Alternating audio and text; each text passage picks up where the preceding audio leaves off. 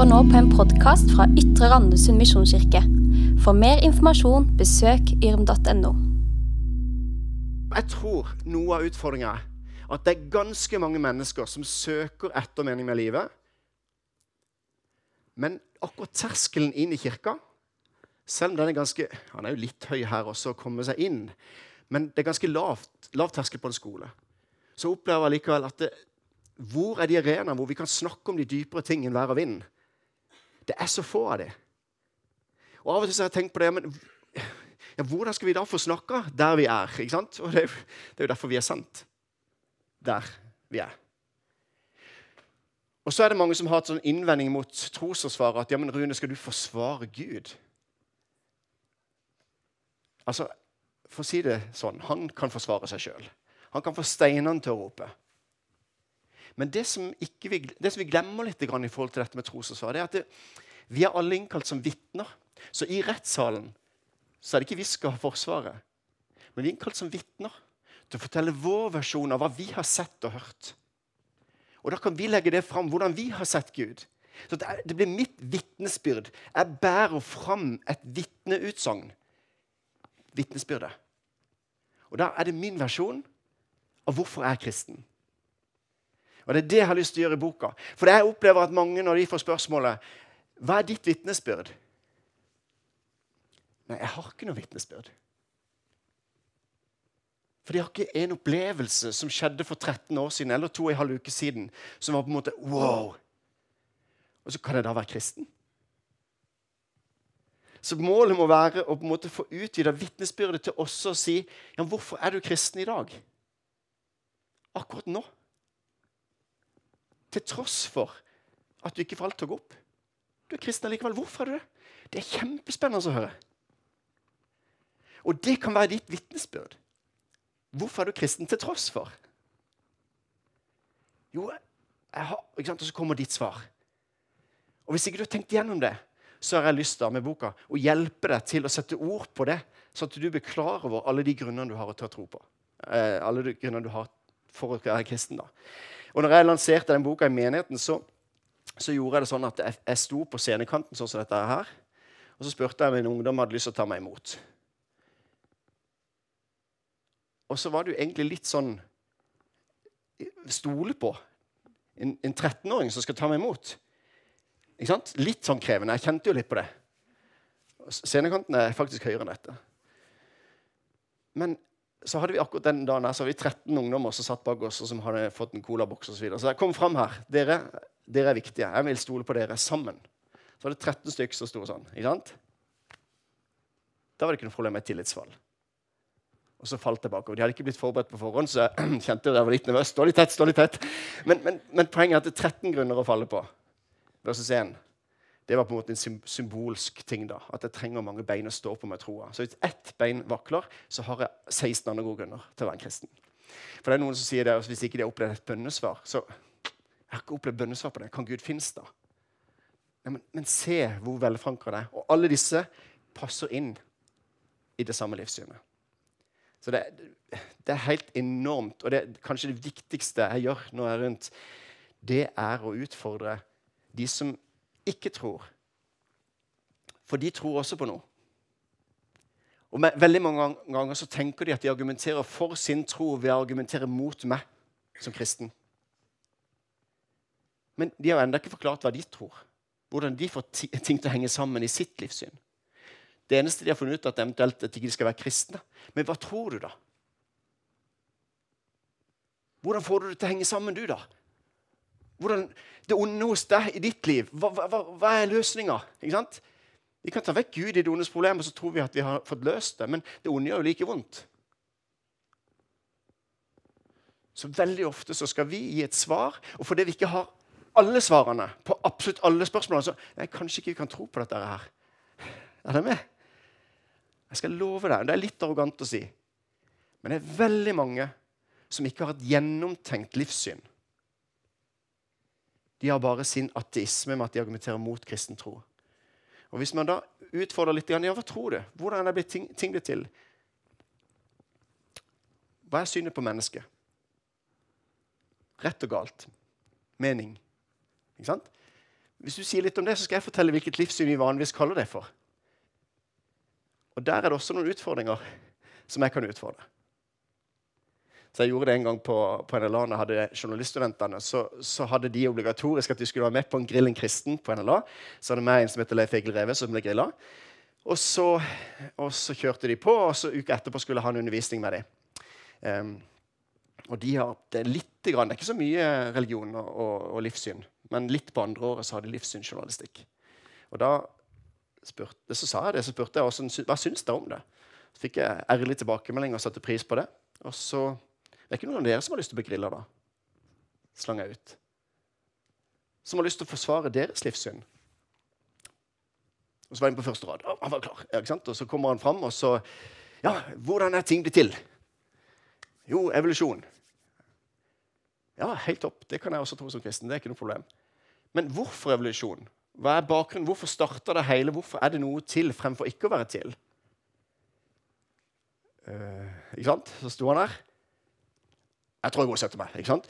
Og så ble det god stemning. Det var ikke sånn at det hang han ut. eller noe. Det var, det var god stemning. Han, det var kjempegod stemning i klasserommet. Men poenget var bare at når vi da sitter i lunsjen etterpå, sitter seks stykker rundt bordet, så sier han du fikk meg til å tenke der. Så tenker jeg, tenke? Det var, var et liksom, ganske banalt spørsmål. Hvorfor evolusjon? Altså, hva, og så tror jeg det er lite skal til, og så berømmer han masse for det at han sa det. For det hadde han ikke trengt å si. Og all kred. Takk for at du deler det. For hvis vi begynner å tvile, så sier vi det ofte ikke til noen. Så skal vi bære på tvilen for oss sjøl fordi vi er redd for å miste troa. Og da tror jeg at den tvilen får større makt enn at vi tar den fram i lyset og undersøker den. For det, det, betyr mye for oss. Det henger sammen med alt vi gjør, og hvem vi er. Så når temaet er 'Kom du så tviler du, så mangler et svar', så tenker jeg at det at du skal, du skal vite at i kirka så er du så velkommen.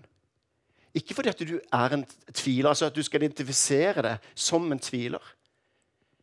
Men fordi det er naturlig. Det er noe vi alle gjør. Jeg skal fortelle litt, litt mer om det. Men først kan jeg se at den sangen som dere spilte eh, i starten Det syns jeg er veldig fint. Det er den første sangen jeg har når jeg da da har jeg forklart hvorfor jeg ønsker å gi deg mine grunner. Jeg håper det vil hjelpe deg med å finne ut hvorfor du selv er kristen, eller gi deg gode grunner til å bli det. Smak og se at Herren er god. Lykke til på din trosreise. Og så anbefalt sang kom og se. Og Så går du inn på QR-koden, og så hvert kapittel avsluttes med den for å kunne spille på flere strenger. hvis jeg skjønte ja. Men du, kan, du, du, du, leser, men så får du også litt, noe annet med musikk. Jeg synes Musikk har en fantastisk gave til å åpne opp ting. Og da er det liksom samspillet da, med det. Så det er tanken. Men det var litt gøy da, når det var 'Kom du som tviler', du som mangler et svar. Så er det en sang som jeg liker veldig godt, og som er en invitasjon til å komme og se. Se hva vår Gud har gjort. Og det er mitt vitnesbyrd til å si kom og se. Se om ikke dette er noe. Og det å invitere meg til å komme og se, det må vi våge å gjøre mer. For dette handler jo bare om at hvis tross alt Jesus har bevegt milliarder av mennesker, eller berørt milliarder av mennesker, så, så er det helt fair å utfordre en ateist eller agnostiker eller muslim til å følge Jesus en liten periode. Ikke tro på han nødvendigvis, men å følge Jesus en liten periode for å se om han er den han ga seg ut for å være. For Jesus kalte disipler, så sa han ikke 'tro på meg'. Han sa 'følg meg'. Kom og se. Eller han sa han, inviterte dem til å følge Jesus. Og etter tre år så endelig går de opp. Øy, han er Messias. Eller kanskje de hadde et inntrykk av at han skulle være det før det også, men, men de trengte å følge Jesus. Og Sånn tenker jeg at denne boka også er mulig å gi da, til mennesker som ikke tror. Du vet at jeg er kristen. Det er litt vanskelig av og til å si hva det går ut på dette er litt sånn, Her ser du litt om hvorfor jeg er kristen. Eh, mange av de grunnene der er jeg enig i. Så blir det plutselig en evangeliseringsbok som man kan invitere folk med på. en sånn en, kom, følg, kom og se. Følg meg. Så det er hensikten med den. Hvis du tar neste, så er det dette tvil da, som jeg opplever. At noen har lyst til å identifisere seg med at jo, men jeg er en tviler. Og så er Thomas, Jeg er veldig glad i Thomas tvileren. Ikke sant? Men jeg har lyst til å utfordre deg litt i dag til å ikke identifisere deg som en tviler. For det som er I Bibelen så er det egentlig på en måte en invitasjon til å være i Kristus eller ikke i Kristus. Og I Kristus det er det som kalles å være kristen. I Kristus kristen. Og det motsatte av tro, det er ikke tvil. Kjære venner. Det vet vi. Det motsatte av tro er ikke tvil. Det motsatte av tro, det er vantro. At du ikke vil ha noe med Gud å gjøre. Hvis du tar det valget, så respekterer Gud det. Og jeg vil respektere det hvis du tar det valget. Jeg vil ikke ha noe med deg å gjøre, Gud. Det er vantro. Men hvis du ønsker å tro, men du tviler litt innimellom, så er ikke det det motsatte. Tvilen vil være der hele tida så lenge du er sammen med mennesker som mener noe annet enn deg. For tvil det er det samme ordet som tve, tvega eller tvilling. ikke sant? To. Og Hvis du da tenker at tvil det er to tanker i hodet på en gang Jeg tror at Jesus lever, og så kommer noen og sier Jesus lever ikke. To tanker i hodet på en gang. Tvil. Og det vil jo komme, altså Hvis du aldri har tvilt, så er du helt topp, det. Men kanskje det også er en sånn Oi, kanskje du er lite sammen med mennesker som ikke tror, da? For Hvis du er sammen med mennesker som er fornuftige og oppegående og har andre syn, så er jo på en måte det naturlig å høre deres versjon òg. Og da kan det være tvil. Så ikke vær redd for tvil. Undersøk tvilen heller. Og se om det holder i det. For jeg vil ikke tro på noe som ikke det holder i. Det er derfor jeg er sånn frimodig og sier at hvis du har en innvending mot kristen tro som får meg til å forlate min tro, så vil jeg være takknemlig. Så at jeg slipper å kaste bort resten av livet mitt på noe som ikke er sant. Når jeg er pastor. ikke sant? Er du med? Så, og det er ikke det sånn arroganse i det, men det er på en måte, det må være sant for at jeg skal tro på det. Ellers så hjelper det ikke noe at, at, at de gir trøst. For de gir ikke trøst hvis ikke det er sant. Ja. Så derfor så, så så har jeg egentlig lyst til å bare si etter tvil, hvis du tar neste der, så handler det egentlig om en kognitiv dissonans. Store norske leksikon. Kognitiv dissonans er en ubehagelig tilstand som antas å oppstå som følge av kognitiv konflikt. Jeg synes Det er en grei definisjon på tvil. At det er liksom to ting som ikke passer sammen inni i hodet ditt. Det er en litt ubehagelig følelse hvis du, hvis du begynner å tvile. Kom, du som tviler. Og Da har jeg så lyst til at kirka skal være et sted som det er rom for den tvilen. Ikke dyrke den, men rom for spørsmålene. Ikke vær redd for spørsmålene. Idet det ikke er lov til å stille spørsmål, så kan vi kalle det for en sekt. Der det ikke lov til å stille spørsmål. Men det skal være rom for alle spørsmål. Det skal være rom for den du er. Og det ønskes hjertelig velkommen. Ikke hold de gode spørsmålene dine unna, men la det være en ærlig søken ikke bare ute etter å kverulere på det. For det, det har jeg hatt mange diskusjoner med. Det gidder jeg ikke. Det er så mange som er nysgjerrige og interessert i kristen tro at jeg gidder ikke bruke tid på mennesker som bare skal kverulere. Og så må vi selvfølgelig finne ut at kanskje det av og til er en sånn en bare førstehånd er litt sånn aggressiv, og så viser seg egentlig at så er man interessert. Og så er det kanskje den største utfordringa at noen er likegyldige. At ikke de tenker at ja, jeg bryr meg ikke. Kanskje det er vår største utfordring i samfunnet i dag hvor alt er likegyldig. Alt er like sant, alt er likegyldig. Da får du likegyldighet. Hvorfor skal du forholde deg til noe? Så hvis vi da kan få lov til å Du kan ta neste bilde. Tenke Hvis dere leser trosforsvar, så er jeg så redd for at noen tenker dette er at du skal bli grilla, at du skal bli utfordra på jobben. eller og så er jeg bare sånn åh, jeg vet ikke hva jeg skal svare. Ikke sant? Og så husker jeg ikke hva jeg skulle svare, for jeg hørte et svar som i kirka forrige søndag. det var veldig bra. Når du kommer der, så bare bæ, Du får ikke sagt noe. Er det med? Eller er det bare sånn E, E, E, E, E, H. Eh, er det med? Um, så du, det er så vanskelig. Og hvis ikke vi vet hva vi skal svare, så tenker vi at det, det er ikke noe for meg. Jeg bare velger å tro. Og det er ikke det er ikke alle som er så sære og syns det er gøy å bli stilt seg laglig til for hugg. Liksom. Det, men noen av oss syns det er litt, litt, gøy, liksom. Så tenker jeg at de, de, de, om det, tenker jeg. Eller vi om det. Men det jeg tenker jeg har lyst til å utfordre deg på, det er dette med svar. Å gi et svar. Ikke nødvendigvis at du skal få svaret, men at du må huske å være et vitne. At du deler din versjon av Gud. Det du har sett og hørt. Og hvis du har sett og hørt hva du har som kristen, så kan du ikke la være å fortelle om det. Sånn var det med apostlene òg. De kan ikke la være å fortelle om det de har sett og hørt. Men da, hvis, du, hvis, du, kan la være, så la være. Men kanskje du skal fokusere på hva du har der først.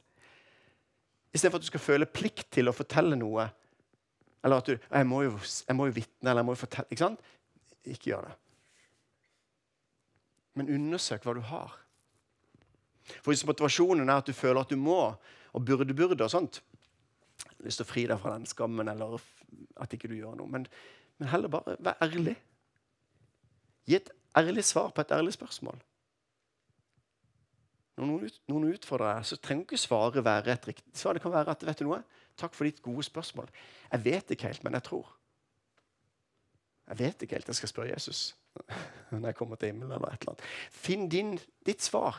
Men det er et svar. For du tror til tross for at ikke du har svar. Og hvorfor gjør du det? Det er det jeg har lyst til å ta tak på. Det er det jeg har lyst til at jeg skal dele. For Hvis dere blir klar over det, så kan vi se um, Kan det bli ditt vitnesbyrd? Så hvis du spør meg på gata og spør hvorfor er du kristenrøyende, og så bare jo, nå skal du høre, jeg har en bok her. Så kan jeg ikke begynne liksom å dele ut boka til deg. Men hvis du spør meg hvorfor er du kristen, Rune, så har jeg et svar som varer kanskje ti sekunder, som er mitt favorittsvar nå for tida. Kan dele med deg. Det er så mye kaos i denne verden. Jeg har en fred i det kaoset. Jeg tror ganske mange som kjenner på den uroen i verden. En lengsel etter en fred som overgår all forstand, og som bevarer hjertet og tankene i Kristus Jesus. Og Da sier ikke jeg at blir, alt blir fred på jord som kristen, men jeg har en fred i det kaoset som jeg har lyst til å vitne om. Og som jeg tror mange mennesker lengter etter. Som vi må kjenne på en frimodighet, sånn at vi våger å fortelle om det. At nå har en fred i det kaoset. Eller når alt er håpløst, så har jeg et håp.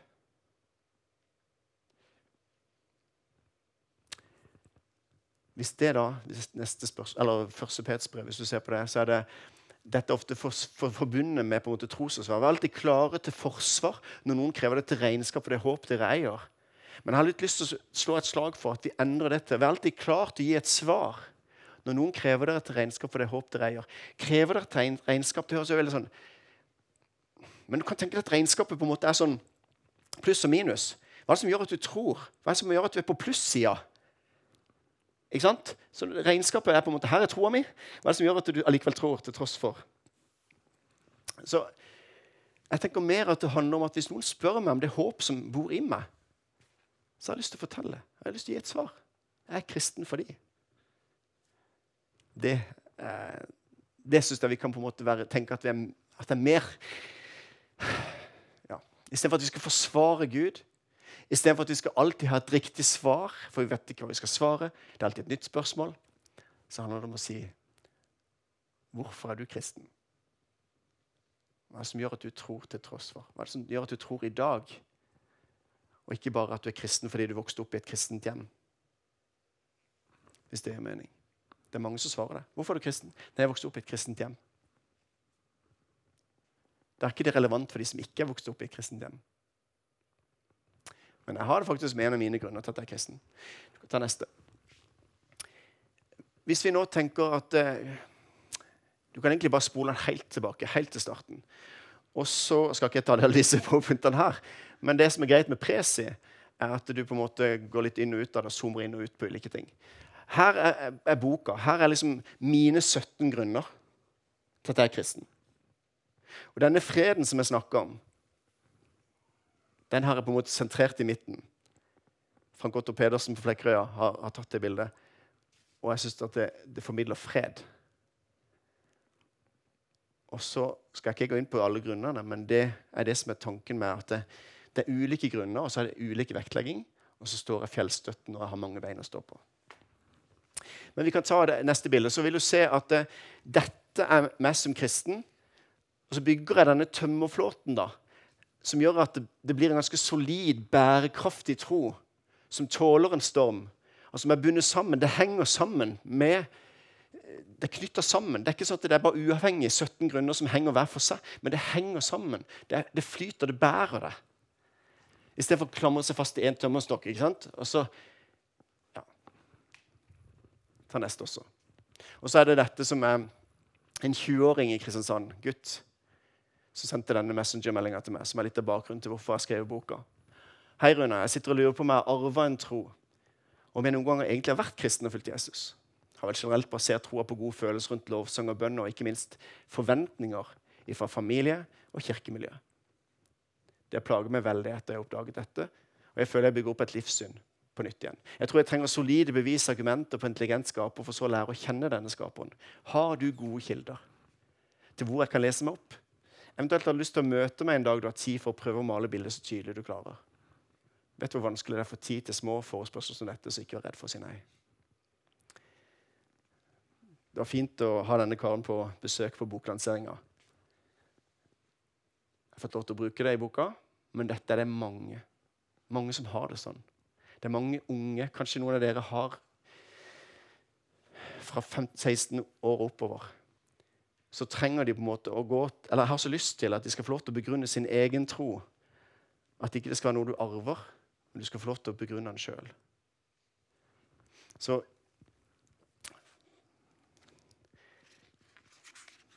sånn I starten av boka her, sånn dedikasjon, så er det til Mathea, Marius og Malin, som er mine på 14, 12 og 10 måtte denne boka hjelpe dere til å begrunne deres egen tro. Pappa. Det er litt av denne bakgrunnen til at jeg skriver han, For at vi trenger å ikke bare Altså, mine foreldre de vokste ikke opp i noe kristent hjem. De ble kristne rundt 30 år. Alle mine fire besteforeldre ble kristne som voksne. De vokste ikke opp i kristne hjem, men de bygde kristne hjem, som gjorde at jeg vokste opp i et kristent hjem Ble introdusert til kristen tro. Det er ikke en grunn til at jeg er kristen i dag.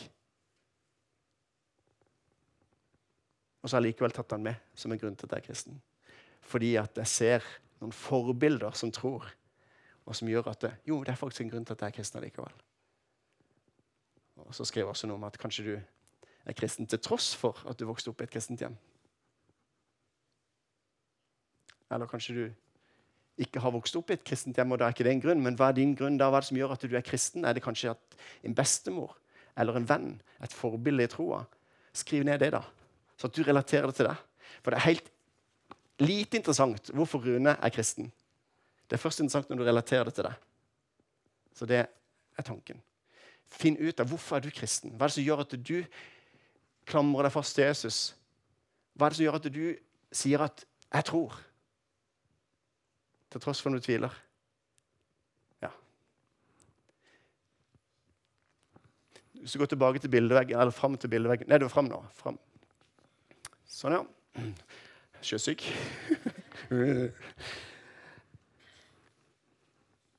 Så nevnte Kjetil denne første grunnen her, som hun zoomer inn på. Denne, det gir meg mening med livet. Å skille på det mellom mening med livet og det å ha en mening i livet. Alle kan ha en mening i livet. Du trenger ikke være kristen for å ha en mening i livet. Men hvis du er ateist, så må du per definisjon si at ikke det er noe hensikt med livet. For det er jo blitt tilvendt tilfeldighet. Så alt er tilvendt tilfeldighet. Også du er en tilfeldighet. Du er en mutasjon i evolusjonen. Og så må du bare skape mening sjøl, for det er ikke noe mening. Som kristen så kan jeg si at det fins en hensikt med livet. En grunnleggende mening. Du er villet. Vi aner ikke hvor heldige vi er. Du må få dybden i det. Det er helt rått. For neste grunn så, så har vi eksempel, Det har også vært en sånn veldig sånn jeg har brukt mange ganger. Så hvis noen spør Rune, hvorfor er du kristen, nei, jeg har ikke nok tro til ikke tro. Jeg klarer ikke, jeg skjønner ikke. Jeg har så lyst til å prøve å ikke tro. Men jeg bare skjønner ikke at det er mulig å ikke tro. Altså, Det, det var feil sagt. Jeg har, jeg har, ikke nok tro til å tro at alt av seg sjøl. For alternativet til Gud er ikke vitenskap. Det er mange som sier det. Jeg tror ikke på Gud, jeg tror på vitenskap. Ikke la de få lov til å si det. Kanskje du sier det. Men nå må du se hva det motsatte av Gud er. Det er ikke vitenskap. Jeg tror på Gud og vitenskap. Det motsatte av Gud det er ikke Gud. Ateisme. Og For meg så krever det mye større tro å tro at alt blir til av seg sjøl, av ingenting, enn å tro at det står noe bak som er stort nok til å være den første årsak, første beveger, og som vi gjerne kaller for GUD. For meg så krever det større tro og ikke tro. Så leker jeg litt med ord, det hører det, men det gjør at du får den du prater med, til å tenke. Og det er litt av bakgrunnen til at jeg ja, jeg kan ta jeg kan ta én grunn til for jeg tror vi skal lande. Er ikke det riktig, Kjetil? At vi lander på tida? Jeg har ikke fått helt med når jeg starta sånn. Gjør ingenting. Ok, da tar vi en tre kvarter til. Nei, men ikke sant? Av og til så blir jeg sånn at jeg har så lyst har så lyst til å Kjære dere, jeg har så lyst til å vise dere alt på en gang. Og så, videre, så, vet jeg. og så må dere vise meg det dere har sett. For jeg trenger dere for å se hvem Gud er. Sammen med alle de hellige så skal vi fatte bredden og lengden og høyden og dybden. Forstå hvem Gud er. Så da har jeg klarer ikke å stoppe, så derfor bare Nå underkaster vi det ut her. Nå er det på tide å stoppe. Denne tredje grunnen har jeg lyst til å avslutte med. Det kunne egentlig vært to. Jeg kan bare tenke hvordan jeg sleit med å få det ned i 17. Skal jeg bare ta 20, da? Nei, 17 er det hellige tallet. Det må jeg få det ned i. Nei, det er ikke noe hellig tall. Det er bare et primtall, men det er gøy tall. Og så, Poenget var at jeg ville ha det ned i 17, men, men jeg kunne gjerne tenkt meg å ha en grunn. At jeg er kristen fordi jeg strekker ikke til. For det, er så befriende å lese i Bibelen at det ikke var meninga at jeg skulle strekke til. Så liksom, Noen kan si at det er negativt menneskesyn med kristen tro fordi at liksom, du er synder. Vet du noe? Det er så befriende. Fordi at Bibelen forteller om en gjeng med mennesker. Alle, Ingen strekker til. Og at det heller ikke er meninga. Og det kjenner jeg meg igjen i. Så den beskrivelsen Bibelen har av mennesket, den kjenner, jeg meg igjen i. Og det er en grunn til at jeg er kristen. For det er ikke noe som er noe annet. Det er liksom, det er ikke meninga jeg skal strekke til. Og Derfor blir jeg litt oppbygd. Rune, du er en synder. Ja, halleluja. Det er jo ikke det, da, men skjønner du hva jeg mener? Ja, det er jeg. Men en tilgitt synder. ikke sant? Jeg er tilgitt. Det er min identitet. Min identitet. Jeg elsker til tross for mye mer enn at du er god nok. Det hører, det hører du i samfunnet. Du er god nok. Du er god nok som du er. Og befriende er det. Hvis du sier det til en narkoman du er god nok som du er. Så ser vi at ja, du er elska til tross for den du er, og så men, men av og til så sies det at du er god nok. Men egentlig trenger jeg å bli satt til fri fra det som binder meg. Så jeg tror på et evangelium som ikke bare er at jeg elsker til tross for, men jeg, et evangelium som setter meg i frihet ifra det som binder meg. Ja, du er elska til tross for pornoen. Til tross for de tingene som binder deg. Men det er et budskap om at du kan settes i frihet. Det som binder deg, er ikke meninga skal binde deg, for det ødelegger deg. Det å settes i frihet, da, det er evangeliet. Så du er ikke god nok, men du elsker til tross for. Og det er jeg så glad for. at jeg, jeg strekker ikke til. Det er ikke meninga at jeg skal strekke til, men jeg elsker. Og så kunne det vært bilde av Malin sine øyne her fordi at jeg elsker henne, og, og sånt, men egentlig så går det ikke på det. Det er fordi at den samtalen jeg har med barnet, med spedbarnet Da går jeg på en måte ned på spedbarnets nivå. og så har jeg, liksom, jeg, kan finne, jeg kan finne på å si ting som følger. Ikke sant? Det er jo helt lavmål, det som skjer. Ikke sant? Og så tenker jeg hva, hva, er det som skjer her? Og så tenker jeg at Det er ikke så viktig hva som blir sagt. Det, det er kommunikasjon. Det er kjærlighet. Og så tenker jeg egentlig litt sånn at Gud kommer ned på vårt nivå og snakker samme språk som oss. Så jeg har brukt den sammenligninga til å tenke at hæ, Gud blir menneske. Og, og, og sånn at det er mye lettere å skjønne han. Jeg er så glad for at han har kommet ned på mitt nivå. Eh, og så er det kommunikasjon. Og så viser han at han elsker oss. Og så er jeg så glad for at det å være kristen det handler ikke om at jeg skal prestere og bli flink til noe, men at jeg elsker. Min pappa kommunikasjonen der nå er ikke så veldig, veldig god. Alzheimer-diagnose og bare blir verre og verre nå. Og det å da snakke med han mannen i speilet sammen med pappa, det er spesielt. Men pappa har sett opp til hele livet. Og så står du og snakker med han mannen som Han er jo snill, han er der, sier jeg. ikke sant? Og så begynner han der mannen i speilet å le. ikke sant? Og så har vi en kommunikasjon som får, Jeg får ikke noe ut av det intellektuelt sett. Er det med? Men det er ikke det det handler om. Vi er sammen. Og så er jeg så glad for at, at Gud elsker like mye den demente som den som produserer og gir masse, eller den som er, eh, har oppnådd mye eller skapt mye. Eller, ikke sant? Det er ikke forskjell. Til og med det som er ufødt, er like mye elska. Så vi aner ikke hva vi har i det kristne livssynet. Vi må bare brette det ut, se hvor bredt det er. Nå har jeg prøvd å peke inn på et par-tre grunner her. Men kom med tvilen din. Og så har jeg lyst til å utfordre deg. Hvis jeg får lov til det nå, så har jeg lyst til å utfordre deg litt. For at det, um, hvis du har identifisert deg som at ja, men jeg er en tviler, men jeg er med. Men, men vil du være i Kristus, så er det et valg du tar. Sammen som sier ja til Randi, så er det et valg jeg tar. Og Da trenger ikke jeg være usikker fra dag til dag jeg er gift, men jeg må ta et aktivt valg og skille meg for å ikke være gift mer. Er det med? Så det kan jeg hvile i helt fram til en av oss tar et aktivt valg for å ikke være gift mer. Men derfor så er det litt sånn at hvis du identifiserer deg med at hvis du ønsker å være en kristen, og sier at er en kristen, så, så kall deg for en kristen. Derfor har jeg litt lyst til å utfordre deg til å lukke øynene. hvis det er greit. Så bare alle, be alle lukke øynene. Så er det ingen som kan se her, og der vil jeg passe på at ikke noen ser. Og så har jeg lyst til å utfordre deg på Hvis du ønsker å si for første gang og si liksom, ta et valg, nå ønsker jeg å være en kristen, så har jeg lyst til å utfordre deg til å rekke opp hånda. Og Hvis du også da vil ta et standpunkt for at ikke du ønsker å være en tviler at det skal være identiteten din. Men jeg vil si jeg er en kristen. Jeg er i Jesus. Det er han, det han har gjort. Det er det det handler om. Ikke meg og hva jeg presterer. eller så videre. Hvis du vil ta et valg om å si at jeg vil følge Jesus, så rekker du opp hånda nå.